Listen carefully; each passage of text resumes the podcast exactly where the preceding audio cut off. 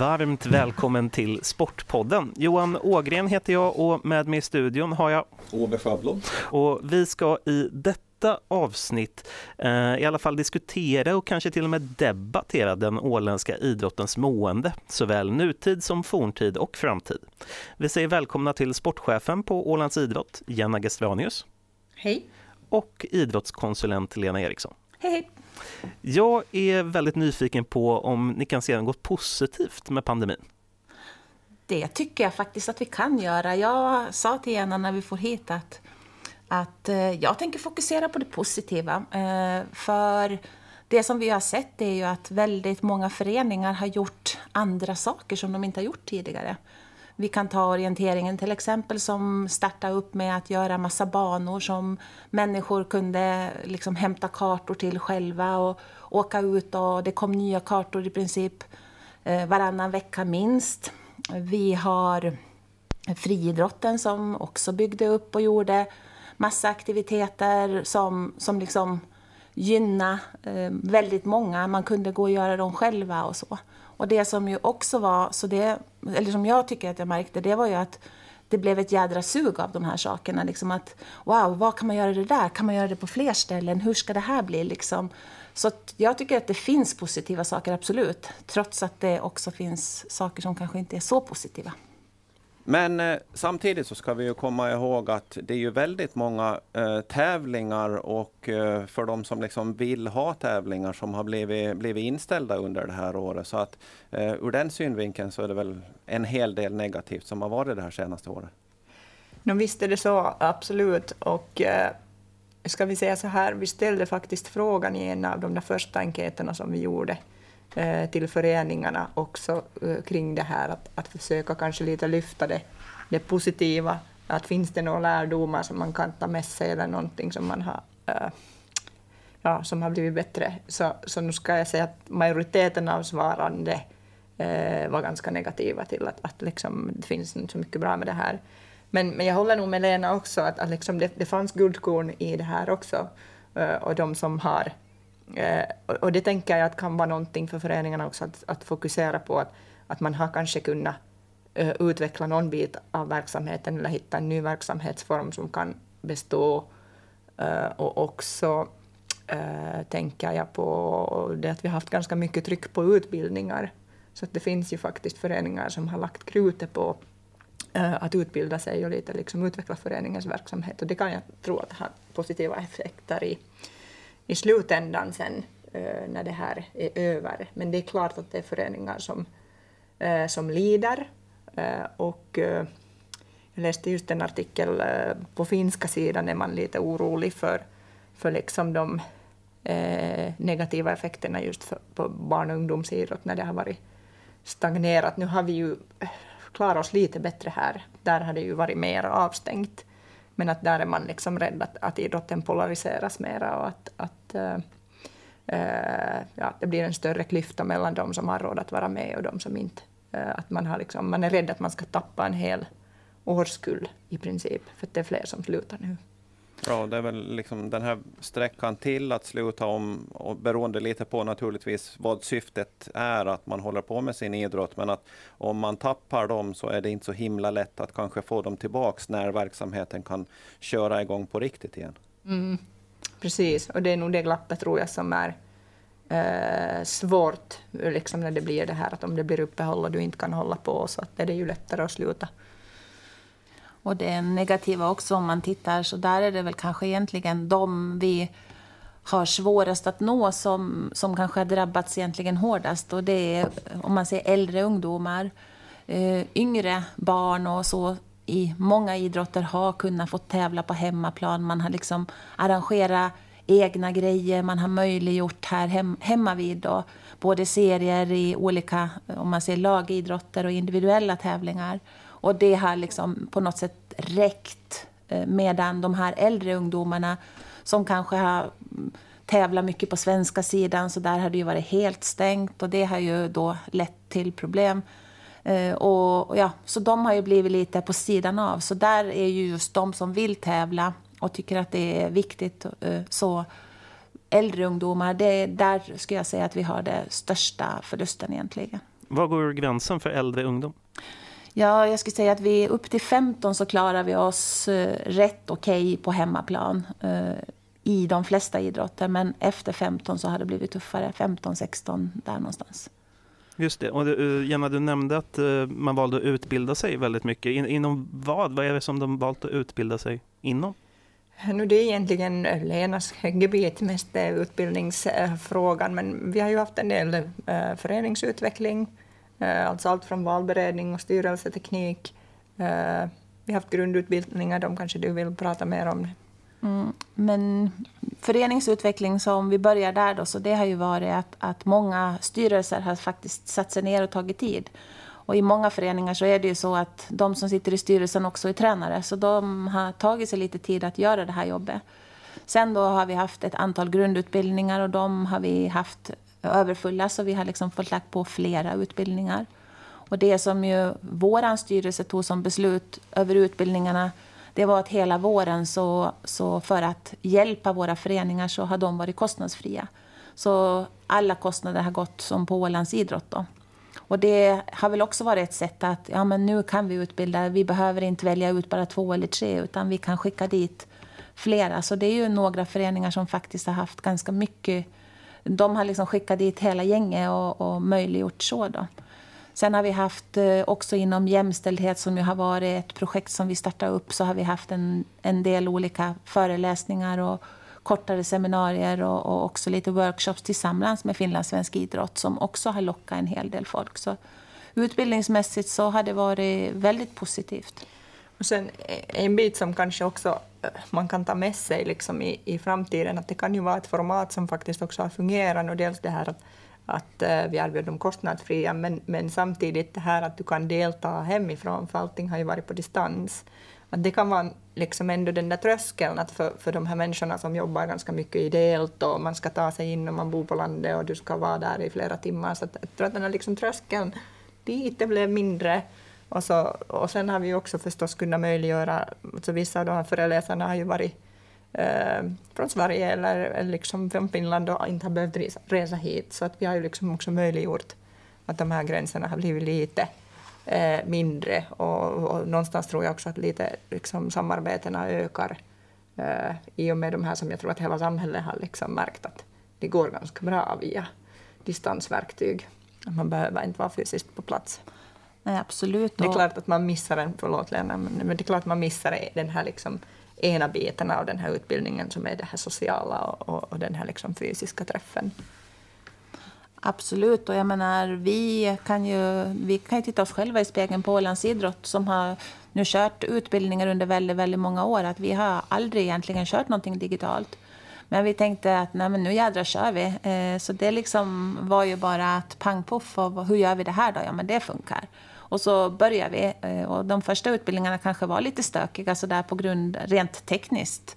Att vi kanske inte var så professionella, men, men ändå så så har det dykt upp, samma människor har kommit igen, så så dåligt kan det inte ha varit. Nej, jag tycker vi har fått ganska positiv feedback nu faktiskt också på hur bra det funkar, att också den här eh, hybridvarianten där vi har haft en del på plats och en del eh, mm på distans. Mm. Så det har ju varit utvecklande för utvecklande för oss och, och, precis som Jenna säger, att det är någonting som vi kommer att fortsätta med. Att eh, även fast vi får träffas hur mycket som helst så småningom, hoppas vi, så kommer vi ändå att ha vissa, vissa delar och vissa utbildningar som går digitalt. Så det har ju ändå, liksom, som du sa inledningsvis Lena, att du, du, du ville fokusera på det positiva, men att det har, under det här året så har det ju varit en hel del ögonöppnare, både när det gäller, som du säger, då, utbildningsvägen. För utbildning, han, ni från Ålands idrott och även många andra så har ju pratat eh, under många, många år hur viktigt det, det är med, med utbildning. Men det verkar ju lite som att ute i föreningarna så har man, har man kommit underfund med att ja, men det är viktigt och nu fanns det tid på något mm. sätt och då kanske de håller kvar det när, när vi förhoppningsvis återgår till ett lite mer normalt samhälle, men att man fortsättningsvis trycker på att det här med utbildningen, den är viktig. Det tror jag att det kommer att vara och så. Och just också om, det, om vi kan hålla det enkelt och, och möjliggöra på lite olika sätt. Jag vet ju, jag vet ju ledare som har suttit även nu när man har haft träningar och så. På våren hade man inte träningar, men nu på hösten när man har haft träningar, då har de suttit i bilen och varit med på utbildningar medan deras barn kanske har varit på en träning och så. Så att, eh, det har ju möjliggjort andra saker. Nej, jag anmäler mig inte till den här utbildningen därför att jag ska skjutsa mina barn eller, mm. eller jag har den här egna träningen som startar då, men nu har jag kunnat sitta i bilen och hänga med. Eh, och ja, delta och ändå ta till mig en hel del. Så att eh, det finns absolut positiva saker. Ja, på, på ett visst sätt så har liksom den där kunskapen blivit tillgänglig på ett ibland lättare sätt. Mm. Hur skulle ni säga att den åländska idrotten mår nu under pandemin? Då? Ja, det är ju en ganska komplex fråga. Så, men men eh, nu ska jag ju säga att, att det, finns en, eh, det finns en grundoro och det finns en grundoro hos, hos oss alla och jag tror att den eh, speglar ju nog hela samhället också men, men här hänger det ju lite ihop med den här eh, liksom Pafs framtid, historien som nu lite har ändå eh, gett posi positivare vibbar nu, men, men fortfarande så står det ju i budgetluntan eh, att tredje sektorns eh, verksamhet ska granskas och, och att eh, meddelandet där är ju helt klart att, att PAF-medlen till civil, civilsamhället, tredje sektorn, kommer att minska. Så står det där och jag menar det är ju någonting som, eh, som förstås också eh, speglar måendet eh, på vår idrott. Och det finns en viss osäkerhet just kring eh, ja, sponsorer och, och, och, hela den biten. Att hur kommer det här att utvecklas och hur mycket kommer det att finnas eh, möjlighet till, till sponsorer. Och sen finns det också föreningar som har eh, Eh, en stor del av finansieringen är, är från kommunala. Eh, och där finns det ju också en stor osäkerhet. Så att, eh, på det sättet tror jag att, att mm, ska vi säga att det, så där lysande strålande mår den ju inte då, liksom, föreningslivet. Men jag tror ändå om man liksom lyfter det positiva så tror jag att, att liksom med gemensamma krafter så, så kan man eh, hitta lösningar och, och, effektiviseringar och se till att liksom resurserna används på bästa tänkbara möjliga sätt. Så man får också se den här som en, liksom, eh, en utvecklingsresa. Att nu behöver vi på riktigt fokusera på rätt saker eh, så att vi får medlen att räcka till eh, om det är så att det, det dras ner. Så att, att, eh, och det är också vårt ansvar förstås på Ålands idrott att hjälpa till med den här utvecklingsresan och fundera ut liksom att vad, är, vad är nu de bästa lösningarna. Hur mycket pengar handlar det om som det minskar med? Det är ingen som egentligen kan säga det. Uh, hur mycket som helst. Vår styrelse är också jätteintresserad av att få den här procenten, men det är nog ingen som har kunnat få ett svar. Liksom.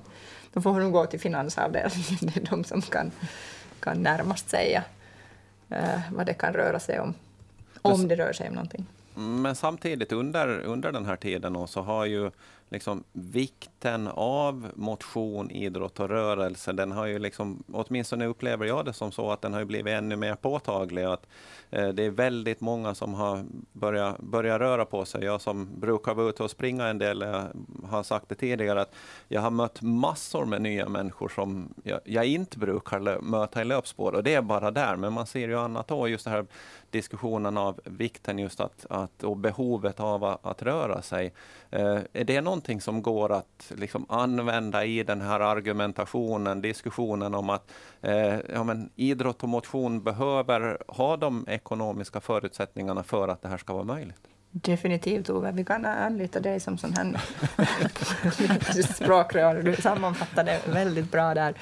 Eh, men det är helt klart, alltså det, det vet vi ju att, att det blir enorma kostnader på samhället eh, om vi inte rör på oss. Och, och, och just liksom det fysiskt välmående, det har vi ju varit på, på, på fall på länge. Liksom. Det vet vi alla, vi rör inte på oss tillräckligt mycket, men också liksom den, den psykiska biten, speciellt under den här pandemin, har ju visat att det finns ett, ett sug och en efterfrågan. Och det tror jag, liksom, om vi pratar om föreningarnas mående också, att uh, de vibbar som vi får från föreningarna är att det finns ett jättestort sug efter idrottsaktiviteter.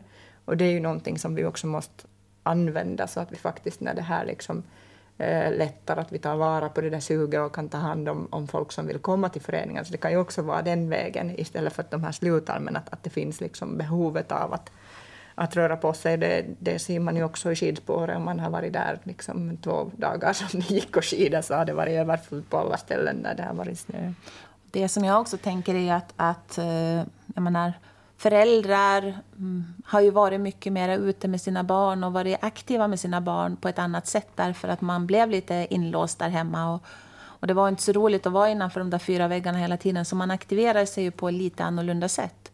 Och det tänker jag också är någonting som vi kanske kan ta tillvara. Att, att jag, menar, jag tror att föräldrar vill, vill vara närvarande med sina barn men Ibland så har man kanske också trott att nej men jag har inte tid med det här. Eh, jag säger att det handlar om en prioriteringsfråga till, till stor del. Alltså visst finns det sådana som har hur mycket som helst och har svårt att få till det här pusslet. Men, men jag tänker också att inom idrotten så behöver vi kanske bli duktigare på att ta hand om de här föräldrarna och de här aktiva som vill vara med lite på skoj, som kanske inte vill satsa alla sju dagar i veckan men de vill gärna vara där en och två dagar eller en och två timmar i veckan. Och där tror jag att vi kan också alltså, få resurser och, och jag tror ju att, att ställer vi bara frågorna på rätt sätt så tror jag att föräldrar gärna också ställer upp. Men det som jag har varit så är ju att när man blir tillfrågad till någonting inom idrotten och andra ställen också, det är liksom att ger man lillfingret så tar de hela armen och, och resten av kroppen också.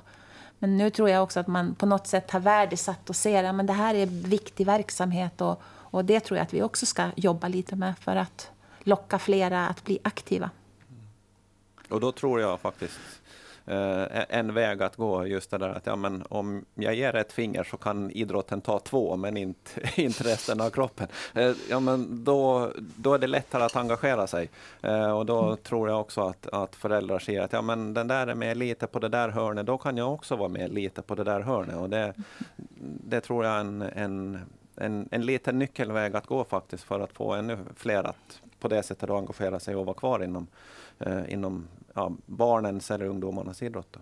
Jag har många gånger sagt att, att föreningarna eh, inom idrotten och kanske andra också, men inom idrotten att vi, är, vi har varit lite dåliga på att ta hand om de som vill bara lägga en timme i veckan av, och jag säger, och hjälpa till en timme i veckan. Eh, på samma sätt som vi kanske också har varit lite dåliga på att ta hand om de barn och ungdomar och också vuxna som bara vill vara där en gång i veckan. Att vi, vi vill gärna att man satsar mycket och, och eh, att man satsar högt och, högt och brett och så.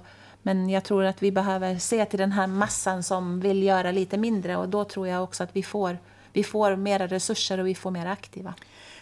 Jag skulle säga där att, att, att i min värld så är det också en, en, det här är också en utbildningsfråga på det sättet att det handlar om liksom den där eh, koordineringen och strukturen i, i föreningen. Att, att vi inte ska hamna där som, som Ove säger, att det är max de där två fingrarna.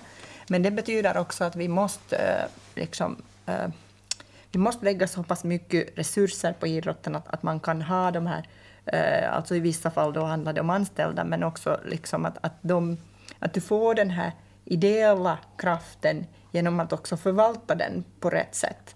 Och det betyder att du måste ha rätt personer på rätt ställe och, och, någon som styr upp det där engagemanget. Eh, så att det inte blir det att den som nu räckte upp handen hamnar att göra precis allting i den här föreningen, både vara ordförande och kassör och, och, och, tränare fem dagar i veckan.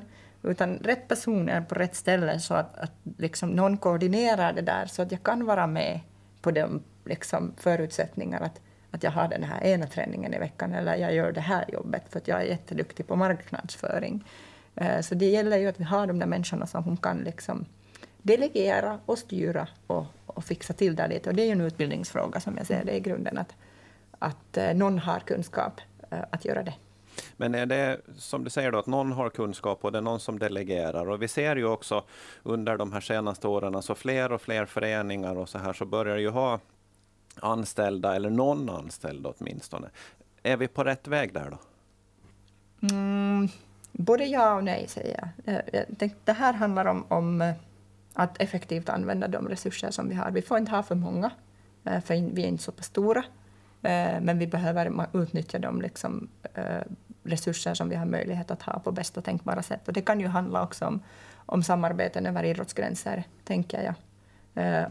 Så tänker jag att, att liksom vi måste fundera var vi har kompetensen och, och, och var vi... Så att, att det, så både ja och nej på det sättet att, att lösningen är inte att vi anställer mer och mer folk i föreningarna, utan lösningen är att vi funderar på, på vad vi har för anställda och vad de kan göra för, för liksom att jobba för idrottsrörelsen som helhet egentligen.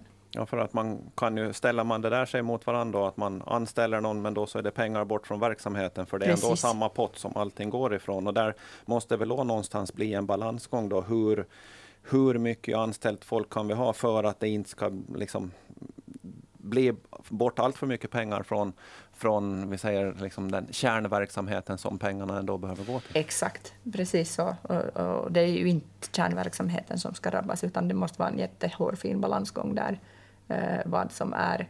Eh, och det ska vi också komma ihåg, liksom just från de här alla föreningsutvecklingstillfällena vi har haft, att, att det glömmer faktiskt ideella föreningar ofta bort vilken stor arbetsbörda det är att ha anställda.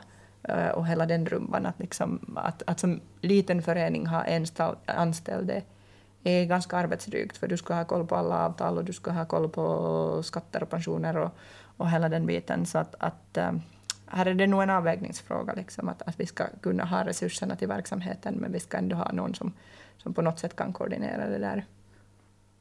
Jag är nyfiken på ungdomsidrotten. Hur ser det ut där? Hur har corona påverkat? Men lite som jag sa då, som ungdomar, de har kanske drabbats hårdast, åtminstone vad gäller tävlingsverksamheten.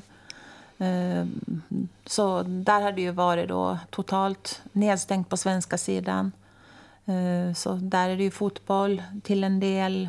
Hockeyn började ju, gick över till finska sidan, men fotbollen är jättehårt drabbad. Flicksidan, damsidan, vad gäller fotboll har ju varit hårt drabbad. Eh, vad ska vi säga mera?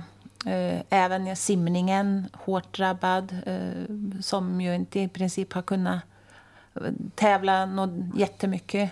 Så vad gäller tävlingsverksamheten så har den ju varit superhårt drabbad och, och där är ju frågan då att, att eh, tappar vi redan, det vet vi inte ännu, men tappar vi redan eh, en målgrupp som har varit ganska liten som vi skulle en målgrupp som vi har kämpat för att, att liksom stärka och att de, man ska vilja hålla på idrotta längre och så vidare. Sen får vi ju fundera på okej, okay, hur, hur kan vi göra, vad kan vi göra för lösningar? Alla vill inte tävla. Och där tror jag att vi inom idrotten behöver bli lite bättre. Att erbjuda möjligheter för de som vill träna den här en gången i veckan, kanske två gånger i veckan. Men, och också, de kanske vill tävla på något sätt, men, men inte den här fem dagar i veckan-satsningen. Men ni, ni, vet inte hur många som valt att lägga av? Nej, det har vi inte siffrorna på ännu. Det kommer att börja visa sig, men, men jag är, tyvärr så kommer det nog att visa till en del i alla fall lite negativa siffror. Det är jag ganska säker på, men jag kan inte säga så här mycket eller så här stort. Nej, men ni har ju pratat med föreningarna gissar jag. Vad har ni fått för reaktioner? Eh, uh, no, där har det nog varit liksom lite både och, skulle jag vilja påstå, men det var ju ett ganska tidigt skede som vi gjorde den här enkäten, att, att uh, uh, där, där fanns liksom, nu ska jag inte säga 50-50, men det fanns ändå båda. Det fanns det här som, som några som påvisar att vi har fått flera som håller på, men här hade vi ju inte fokuserat på olika åldersgrupper, så vi kan inte säga att var det ungdomar eller var det vuxna de hade fått mer av. Eh, men där var det vissa föreningar som sa just att vi har fått flera som som håller på. och Där kan jag tänka mig att det kunde vara orientering till exempel. Eh, och, eh, men sen har vi också nog de som har svarat att, att vi har lite färre, färre människor som håller på. Det kan vara de som inte har börjat och, och, och där tror jag nog kanske att, att också det kan vara mindre barn som inte har startat sina verksamheter, för det är också verksamheter där barn har föräldrarna ofta med sig, så här, de har varit ganska begränsade, så att där har man valt liksom från föreningen att följa begränsningarna och, och säga att nej, men vi startar inte upp nya eh, äh, barnlekisgrupper då i olika idrotter till exempel. Eh, men var det en skillnad mellan soloidrott och lagidrott? Vad tänker du specifikt? Orientering till exempel är ju en soloidrott. Mm. Fick, det verkar ju som det fick ett uppsving. Om vi jämför det med en lagidrott som fotboll eller handboll, innebandy. Om det var en skillnad däremellan? No, säkert kan det vara en skillnad just eh, också liksom hur man har lyckats ställa om den där verksamheten. För att uh, i vissa idrotter är det ju ganska inbyggt det här att du kan hålla de här avstånden, så det spelar inte så stor roll liksom om du orienterar ensam i skogen eller liksom skidar med stavlängder från varandra, så, så då kan du kanske hålla på. Så att jag tror att liksom lagidrotten, och jag menar, sen kan man också fundera på att, att, att det finns en viss personlighetstyp som kanske dras till de här olika idrottsformerna. Jag menar lagidrott så kanske det är mera, liksom den här, eller det behöver inte vara så, men, men det kan ju vara den här sociala biten då. Uh, och det är klart om, om du liksom tar bort den uh, kontaktidrottsytan som är, som är det så, så kan det ju vara att de har drabbats lite hårdare. Då. Och sen så tror jag ju mm, att om vi tittar till eh, ja, lite olika idrotter, så lagidrotterna har ju varit väldigt mycket fokuserade på tävlingsidrott. Rent liksom att man satsar för att man vill, man vill spela sina matcher, man ska iväg i sina serier och de här grejerna. Så där tror jag att den skillnaden är större mellan lagidrotter och individuella idrotter. Faktiskt, eh, om man generaliserar. Hur arbetar ni för att behålla ungdomar och barn? Oj, hur jobbar vi? vi det, oh, nu sätter du oss på pottan lite. Nej, men, men för vår del så är det ju att, att försöka stimulera våra föreningar till, till egentligen, ja men det ena är att utbilda, utbilda ledare så att man de facto kan ta, ta hand om eh, barn och unga då helt enkelt. Och det andra är ju då att när föreningar, om föreningar och när de kommer, att försöka hitta på olika typer av lösningar. Att hur ska man göra? Vad kan vi göra? Så där är det ju att, att eh, i olika idrotter försöka diskutera fram också. Att vad, ja, men vad behöver man hjälp med och så. Men där ska vi också vara ärliga och säga att föreningarna sköter sig ju i stort själva liksom, och har sina egna planer och sina egna idéer. Så att allting har ju inte vi koll på och det är väl kanske bra också att man får sköta sig själv och så. Men, men vårt mål och vår, vår roll är ju att försöka stötta och hjälpa där, där, eh, där föreningarna vill ha hjälp. Då. Och den andra grejen som jag har varit så, så, som jag har gjorts, det är ju liksom rent finansiellt så har det ju funnits lite pengar som, som föreningar har fått till exempel om de har tappat stora inkomster och såna här så har det ju funnits ett coronastöd som rent för att kunna hålla igång verksamhet. Att man inte ska behöva lägga ner för att man inte har pengar att betala hyror till exempel. Men det tror jag Jenna kan ta lite mer om. Jo, precis. Eh, När jag tänkte på frågan som helhet, liksom, vad gör vi för att, eh, för att inte tappa barn och ungdomsidrotten? Så det, precis som Lena sa, eh, det är ju föreningarna som köper, sköter den operativa verksamheten. Vi ska ge förutsättningarna, så det som vi har Eh, som verktyg så är ju då dels det som Lena var inne på, liksom den här idrottskonsulentbiten, då, att man hjälper till där det behövs, bollar, bollar idéer, men, men sen då min, min bit är ju kanske mer den där finansiella då, att det, det vi ju försöker göra att, att skapa förutsättningar, om vi nu tar liksom det, den stora biten så har ju, eh, eller liksom helt om vi ser finansiellt eh, på idrotts och motionsrörelsen, så har ju liksom politiskt sett också Eh, fokus alltid varit på barn och ungdomsidrott. Eh, och där hade det funnits ett inbyggt system i att ungdomsidrotten kostar lite mera, plus att det är en, ett område där vi eh, tappar mest, då, alltså den mest fragila. Så att, att man har ju också valt att prioritera att ungdomsidrotten är lite mera då värd i, i pengar. Så det är ju någonting som man då har gjort för föreningarna, alltså att man möjliggöra resurser för att ha den här verksamheten. Eh, sen om vi tittar specifikt på corona så, så har man ju förstås, det här speglar sig också i de eh, finansiella principerna som vi har haft för liksom det här ekonomiska stödet som man har kunnat söka då, eh, för konsekvenser av att man har följt restriktionerna eh, och att man då har drabbats, drabbats hårt. Eh, och det har ju varit enormt tacksamt att vi har kunnat eh, hjälpa föreningarna extra. Vi fick ju ett specialstöd Eh, extra från landskapsregeringen. För att, för att, eh, och, och, i de här riktlinjerna då så har ju också barn och ungdomsidrott varit prioriterat. Att det, det är ju framför allt liksom, eh, övergripande principen att vi ska trygga, eh, vi ska trygga barn och ungdomsidrott och vi ska eh, överlag också trygga liksom, föreningarnas överlevnad. Att det har varit såna två hårda, eh, mest fokuserade principerna, att, att det är de här som väger tyngst. Och det här, ja, vi, är, vi är ju inne på ekonomin nu igen och det, det som diskuteras. Men om vi tar liksom ett normalt år, bara liksom lite kort så här, hur det ser ut. Ni får ju en pott med pengar som ju är PAF-medel i, i landskapsbudgeten. Mm. Eh, och sen så brukar vi få en lista på, på, på, fördelning över olika förbund och föreningar och så vidare. Så där. Hur, hur, hur ser den där, en, en, en sån fördelning ut? Är det utgående från antalet medlemmar eller hur, hur fungerar det? Eh, hur det fungerar, nu är ju faktiskt det eh, också en komplex fråga med tanke på att vi har ett... finns ett... det inget kort och rakt svar på Nej. den menar du? det finns det inte. Aha, okay. uh, det jag kan säga nu är att liksom vi är, just nu så är vi faktiskt inne i en jättestor liksom, omställningsarbete kring våra fördelningsprinciper och hur pengarna ska användas. Eh, så vill du veta historien eller vill du veta hur det ska gå framåt? Eh, nej, vi tittar framåt nu. Eh, hur, vad, vad, vad som är på gång?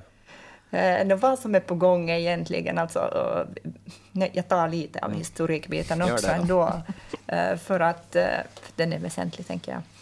Uh, nej, men, du frågar medlemmar eller, eller hur mycket man ja, rör sig. Antal medlemmar mm. är det, det som är avgörande för hur stort, uh, eller hur mycket pengar man får? Eller, ja, uh, vi, vi, har egentligen senaste åren, alltså då, då har vi haft en pott uh, som har fördelats till föreningarna utifrån något som vi har kallat basbelopp och sen har vi haft riktade medel för barn och ungdomsverksamhet. och för de här riktade medlen så har det egentligen då varit aktiviteter, alltså vad man producerar i, i verksamhet. Det här är ju inte helt superlätt att, att mäta. Eh, men i, i alla fall har liksom grundtanken varit att, att de här riktade medlen mer används till liksom, eh, Alltså de ska användas till barn och ungdomsverksamheten och sen har den liksom basbiten varit det som man får använda liksom lite friare till, till föreningens verksamhet. Eh, och det är ju en hybridstrategi lite liksom angående medlemmar, alltså föreningens storlek, omsättning etc. Men också då hur mycket du producerar verksamhet för olika verksamhetsgrupper. Så här är historik, men att vi, vi kan helt ärligt säga att i vår eh, tidigare fördelning så har det också byggts in kanske lite för mycket historik ibland, att det liksom systemet har blivit lite statiskt, varför vi nu är på gång i det här liksom stora förändringsarbetet där vi vill ännu mera kanske liksom styra, om vi säger så, så att ett förslag på principen att liksom basbeloppet då, som vi nu äh, går in för ett förslag som vi kommer att kalla organisationsstöd, så kommer att lite minska till förmån för att den här liksom verksamhetsstödsbiten ökar.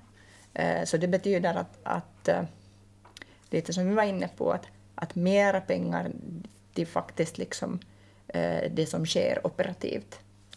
Så. Eh, och sen eh, så ska det bli lättare för föreningarna att liksom förstå eh, på vilka grunder man får pengar. Eh, man kan väl säga både viss, vissa delar mindre styrda, men vissa delar mera styrda. Alltså vad får du använda pengarna till? Eh, och, och sen kom också det här verksamhetsstödet, att man också lite vidgar fortsättningsvis. Så det, det, liksom, vi har haft några medlemsdialoger med föreningarna där vi har eh, också liksom fråga deras åsikt, att vad, vad är de viktigaste principerna, så att alla är rörande överens om att barn och ungdomsidrott är prioriterat område. Mm. Så det är klart att liksom det, det, kommer att, att visa sig att det här är en stor del. Eh, men då kommer liksom att ännu tydligare då att, liksom att om vi skulle gå från det gamla systemet så eh, skulle riktade medelspotten öka. Så de, de är lite mer styrda än den här organisation som du får för att liksom Eh, tack för att du finns som organisation. Det här, här får du liksom disponera nu då till att koordinera och delegera och fundera att hur, hur ska vi bedriva verksamheten på bästa sätt. Och sen får du till verksamheten. Men sen utvidgar vi också eh, verksamhetsstödsbiten.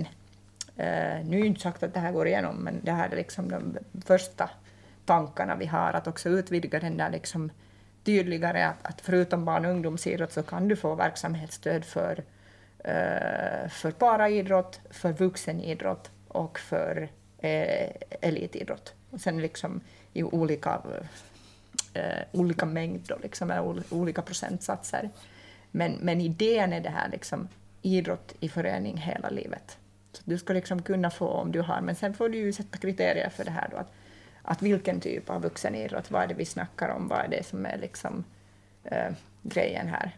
Att, att, att, vad är kvalitativ? Det är ju kvalitativ verksamhet du ska få pengarna för, tänker jag. Det blev ett långt svar, komplext också. Ja.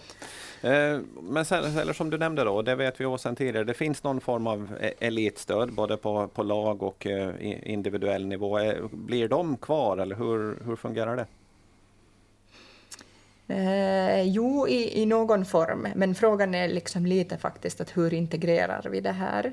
Eller utökar, eller hur bygger vi ihop det här liksom på alla, alla nivåer? Eh, att vi har ju ett elitstöd som, som dels är då stipendieprogrammet som vi har som individuella idrottare får och sen har vi ett elitstöd till lag.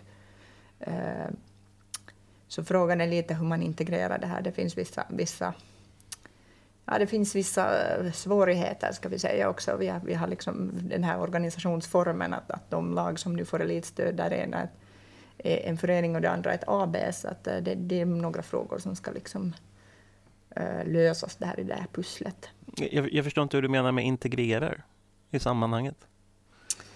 Uh, ska vi säga så här då, att, att vissa eh, stödformer kommer säkerligen att vara kanske utanför det här liksom, eh, huvudstödspaketet.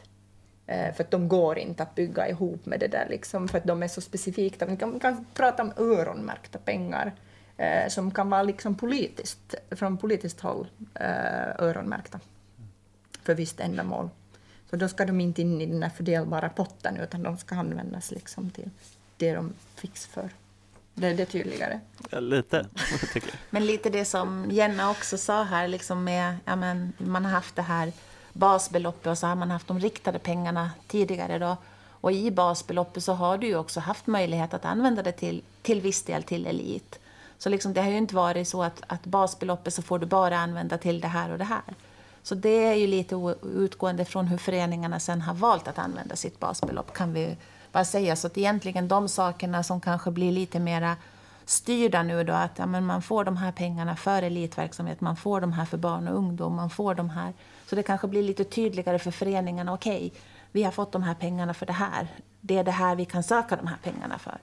Så, mm, precis, jag. ett lite mer renodlat ja. system. Tydligare, ja. enklare. Vem kan söka det? Vem kan söka stöd? Ja.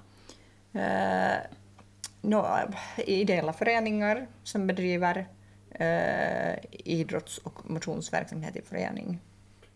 Men... Medlemsföreningar av Ålands idrottsförbund, så lyder det idag, att vi har fördelningskompetens till liksom, eh, medlemsorganisationer. Men Crossfit som är en ganska ny idrott skulle klassas in i en sån eh, kategori? Eh, nej, för att det är ett AB. Okay. Eh, så, så vi, vi skiljer på, på liksom ideell verksamhet och eh, näringsverksamhet. Så, så drivs det i företagsform, där syftet är att generera vinst, då kan du inte få stöd från Ålands idrott. Men man kan ju tävla i Crossfit, tänker jag, som en individ. Det kan man. Så den här är inte helt enkel. Men då behöver det bildas en ideell förening yes. eh, och där idrottaren då representerar den ideella föreningen. Representerar yes. man något av de företagen som pysslar med crossfit så då är man liksom borta yes. från stöden. Mm. Yes. Så, så ligger det till. Det, det, finns ju vissa verksamheter som, som eh, mm, det här är ju en utveckling också i samhället. Det finns ju vissa verksamheter som lever någonstans där i limbo, liksom, att man har en, en näringsverksamhetsdel och så har man en liksom, föreningsdel. IFK Mariehamn måste ju vara någon form av ett exempel där ni har måste ha tänkt om lite. Där det finns IFK Mariehamn RF, men sen finns det IFK Mariehamn AB som ju mm. trots allt är ett AB. Men det, det, visst, det heter väl att de ska vara någon form av vinstdrivande företag, men det brukar väl gå så där. Eh, eh, och IFK Mariehamn, alltså A-laget, de får väl någon form av elitstöd? Eh, de får elitstöd, ja. precis. Men och det här måste väl ha tänkt om lite? Det, det här är ett politiskt beslut. Ja. Eh, för, för här är vi egentligen faktiskt ganska uh, bundna av uh, PAF-stödsregelverket. Det, det finns inga sådana undantag egentligen att vi kan dela ut några andra stöd till AB. Det är liksom no can do. Mm. Det är fotboll vi pratar om. Nu var det fotboll vi pratade om. Ja. Ja. så, vi, så vi har inte den befogenheten att vi kan uh, dela ut stöd till AB egentligen, men det är som sagt ett politiskt beslut att det finns ett elidstöd som, som vi trots allt har kunnat ge via oss. Det är ju, än så länge så är det väl egentligen det enda exemplet vi har här på Åland när det gäller eh, den typen av liksom, yes. tankar kring, kring fördelningen, som hur, hur det ska vara. Ja. Mm. Måste man vara på en särskild nivå för att söka elitstöd? Vi har ju ett eh, färskt exempel med hockeyn i IFK Mariehamn. Eh, A-laget, de, eh, både herrar och damer, de avslutar säsongen i förtid på grund av ekonomiska eh, förutsättningar. Skulle de ha möjlighet att söka? Eh, du måste vara på en, på en eh, viss nivå. Där står det att du ska spela i högsta nationella serien eh, för att ha möjlighet till det här lagstödet i, i elitstöd. Men sen har vi ju också då individuella stipendieprogram som individuella idrottare som gör en satsning kan söka. De har Lena bättre koll på än vad jag är. Någonting du vill säga? Ja, vad, vad, krävs där då för att en, en sån ska bli aktuell? Eh, alltså där är det på tre olika nivåer egentligen. Vi har de som vi räknar till som är elit, alltså som är då på, på nationell nivå eh, eller strax, strax därunder egentligen på väg mot nationell nivå med möjlighet att, att till och med kanske kunna knipa nå både nationella eller internationella medaljer. Sen så har vi ett, ett eh, utvecklingsprogram eh, som ligger under då elit.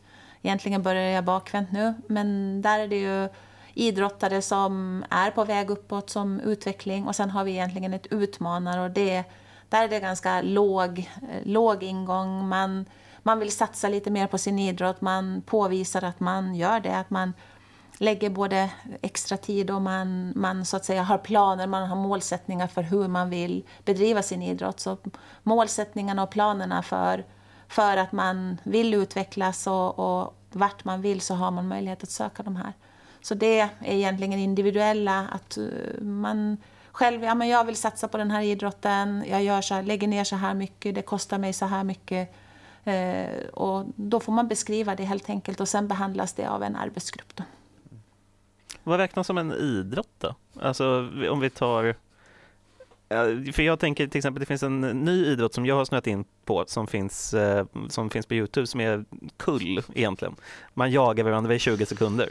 Eh, och de är, har en organisation som är internationell och liknande. Skulle jag då kunna vara med och söka ett sådant individuellt bidrag för att tävla? Hur mycket tid har du?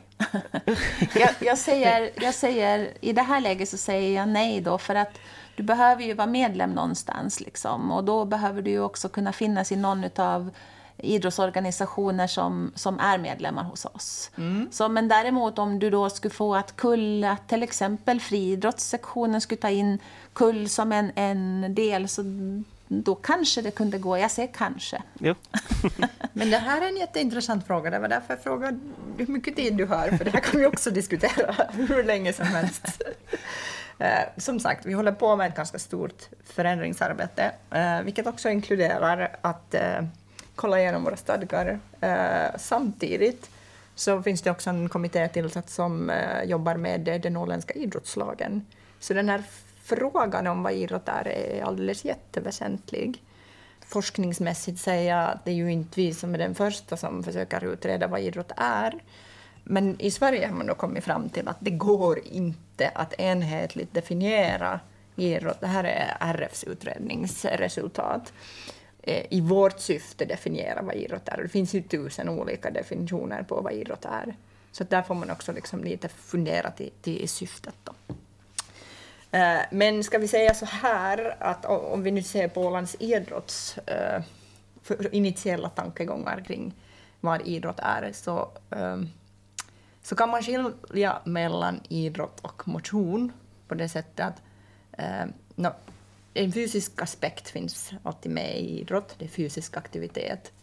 Eh, men den definition som jag själv gillar är att, att liksom, i idrott så, så, så äger liksom idrottens organisation äger sitt eget regelverk. Så det finns alltså, någonstans i, i idrott så finns det ett liksom tävlingssystem inbyggt, även om du skulle liksom göra det på, på motionsnivå. Eh, sen kan man ju förstås fundera att liksom, idrottens organisation. Så nu är det liksom din fråga. Har KULL liksom definierats som att, att de har ett specifikt regelverk på hur det här ska gå till när man tävlar i KULL? Kan det bli en OS-gren? till exempel, och så kan man avgöra där att behöver ni vara en OS-gren eller inte för att ni ska kunna kallas för idrott. Men, men oavsett så är huvudsaken att ni har liksom en, att kull, den här grenen utövas på samma sätt eh, oavsett vad. Eh, så, så någonstans liksom kring det är, är, är idrott. Då.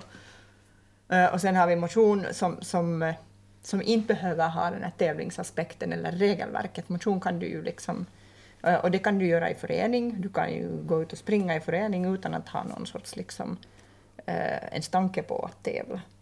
Och sen kan du också utöva idrott i motionssyfte. Du kan ju spela korpfotboll. Eh, och, och liksom, då kan du hålla på med idrotten, men du gör det för motionen. Så här är liksom, vad är idrott? Det, det är idrott, kort och gott. Jag kom till en annan fråga, eller jag blev lite nyfiken då, om du har snöat in på det här med kull, liksom, nu kan det ju bli fler som snör in på det och tycker wow, var kan de då träffa dig och få vara med? Eh, jo, det tänkte jag avrunda med, att man kan gå in på eh, Youtube och så söker man på World Chase Tag.